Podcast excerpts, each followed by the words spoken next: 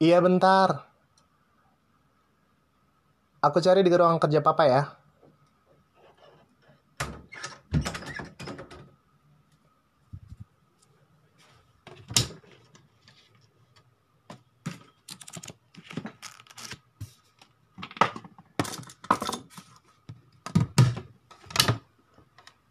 Nggak ada. Eh, ini apa?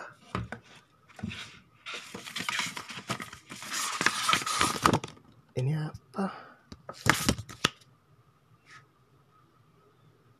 Ini kayaknya tulisan mama deh.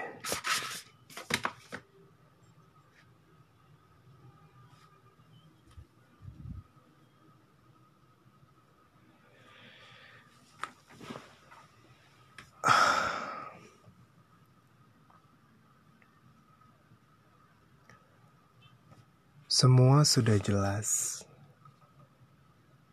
Dengan menggenggam sebuah amplop besar berwarna coklat serta tubuh yang lunglai, aku berjalan menyusuri koridor.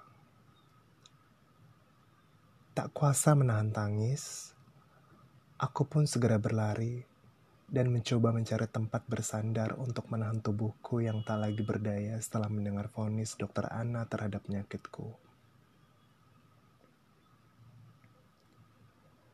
Kejadian itu terjadi 30 hari yang lalu.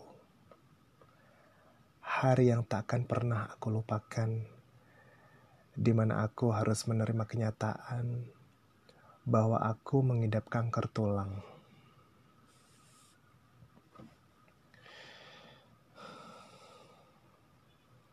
Vonis dokter Ana sekejap melemahkan semua sendi-sendi tubuhku dan seakan-akan mengoyakkan masa depanku.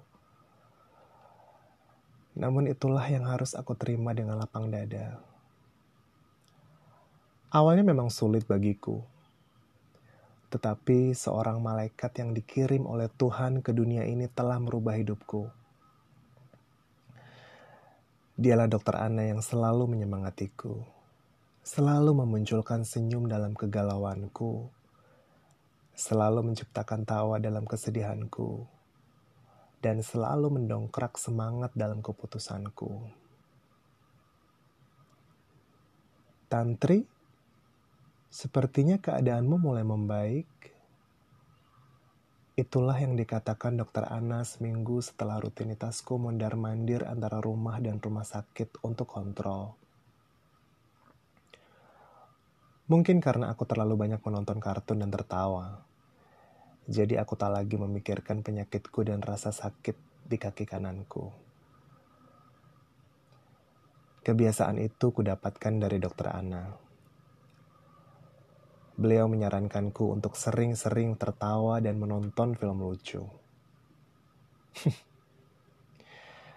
Mungkin karena itulah kondisi tubuhku berangsur membaik. Wah, kalau begini terus keadaanmu, mungkin Sabtu depan kita udah gak ketemu lagi.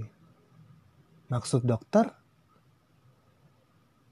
Dia hanya tersenyum lebar menjawab kebingunganku dalam percakapan itu. Sesampainya di rumah aku baru sadar arti dari pernyataan dokter Ana tadi. Bahwa jika keadaanku seperti ini terus, aku tidak perlu lagi konsultasi dan mengunjunginya lagi. Lagi pula, sebenarnya tidaklah harus aku mondar-mandir ke rumah sakit setiap hari untuk berkonsultasi. Tapi entahlah, aku merasa nyaman dan terhibur jika bertemu dengannya.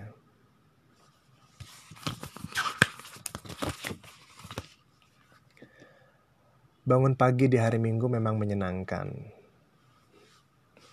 Badanku terasa segar, Aku pun kemudian berjalan jalan pagi untuk menghirup udara segar sambil mendengarkan musik melalui earphone.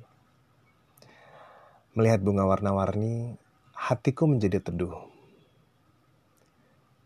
Sesampainya di rumah, aku membuat teh panas dan duduk di depan TV untuk melihat film kartun. Tawaku yang lepas ternyata membangunkan suami dan anakku yang kemudian menyusulku dan bergabung untuk menonton bersamaku. Senin mungkin dibenci suamiku karena harus meeting dan menyerahkan semua laporan. Begitulah dengan anakku yang membenci Senin karena jam pelajaran yang sangat padat. Tapi tidak untukku.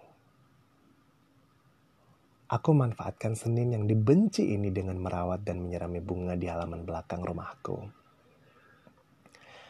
Beberapa ada yang kupindahkan letaknya agar terlihat rapi dan indah Sebagian lagi ada yang kurapikan daunnya. Seperti biasa, tidak hanya jalan pagi saja, tapi menyiram dan merawat bunga pun aku sambil mendengarkan musik dengan earphone. Mungkin kalau tetanggaku tahu, aku dikira gila karena menyanyi-nyanyi dan senyum-senyum sendiri.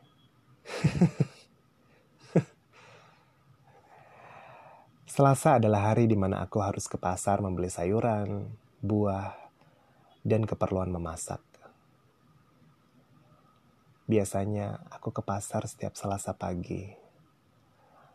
Lalu siangnya aku membuat jus karena buah yang aku beli masih segar. Ya, aku memang harus menyibukkan diri dan membuat seakan-akan aku lupa dengan penyakitku.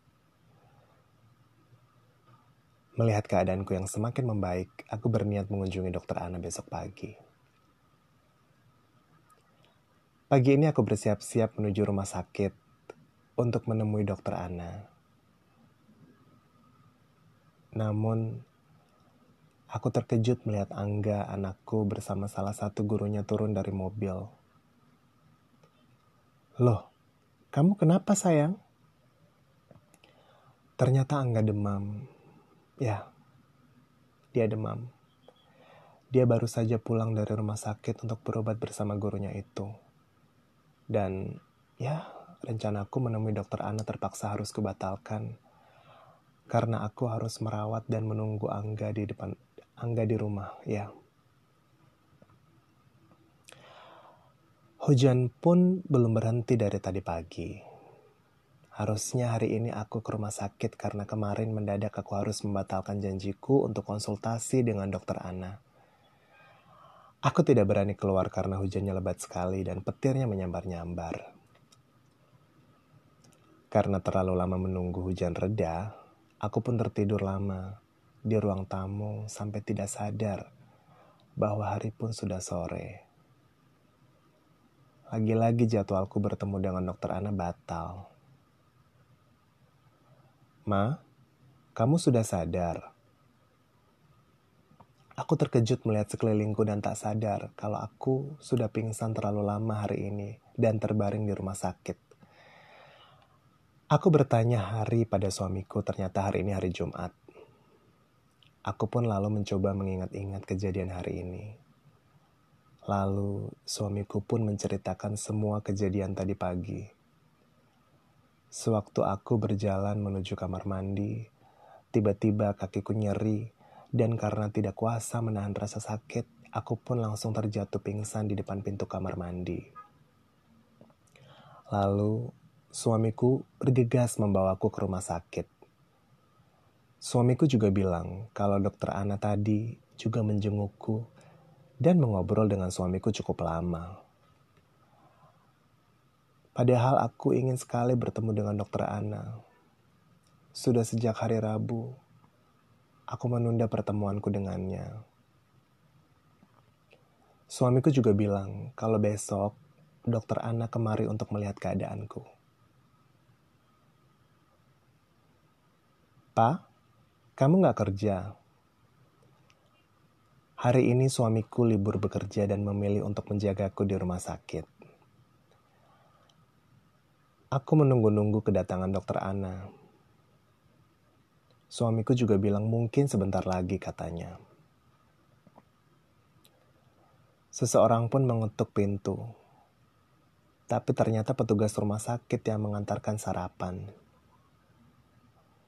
Kedua kalinya pintu kamar ini diketuk, aku pikir dokter Ana. Tapi ternyata suster yang ingin mengontrol tensiku dan mengecek infusku.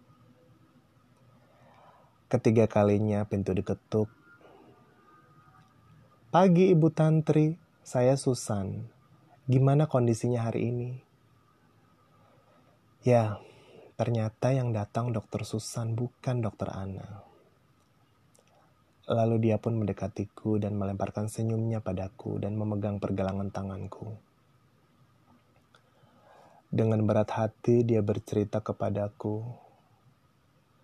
Dan aku pun terkejut. Tak bisa menahan air mata. Seluruh tubuhku melemah Jantungku serasa berhenti berdetak sewaktu mendengar bahwa ternyata dokter Anna sudah tiada.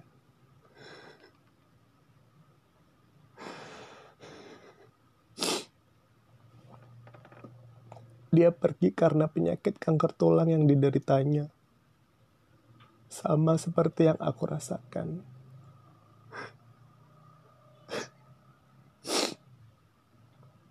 Namun, dia tak pernah menceritakannya kepadaku. Dan ternyata kaki kanan dokter Ana itu adalah kaki palsu.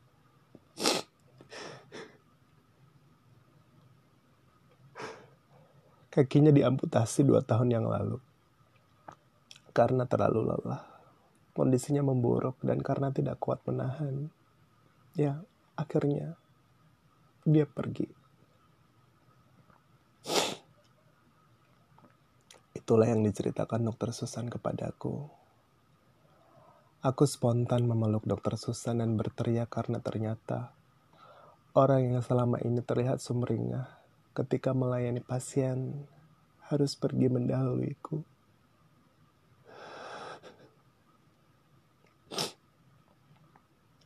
Dalam isak aku ingat perkataan dokter Ana minggu lalu kalau aku tidak akan bertemu dengannya lagi Sabtu depan untuk konsultasi. Ternyata aku sadar bahwa perkataan itu adalah tanda perpisahanku dengannya. Sejak kejadian itu, aku mulai bangkit melawan rasa sakitku. Aku harus kuat dan tegar. Aku tidak akan meninggalkan orang-orang yang aku sayangi suami dan anakku, aku yakin bahwa suatu saat aku pasti akan sembuh.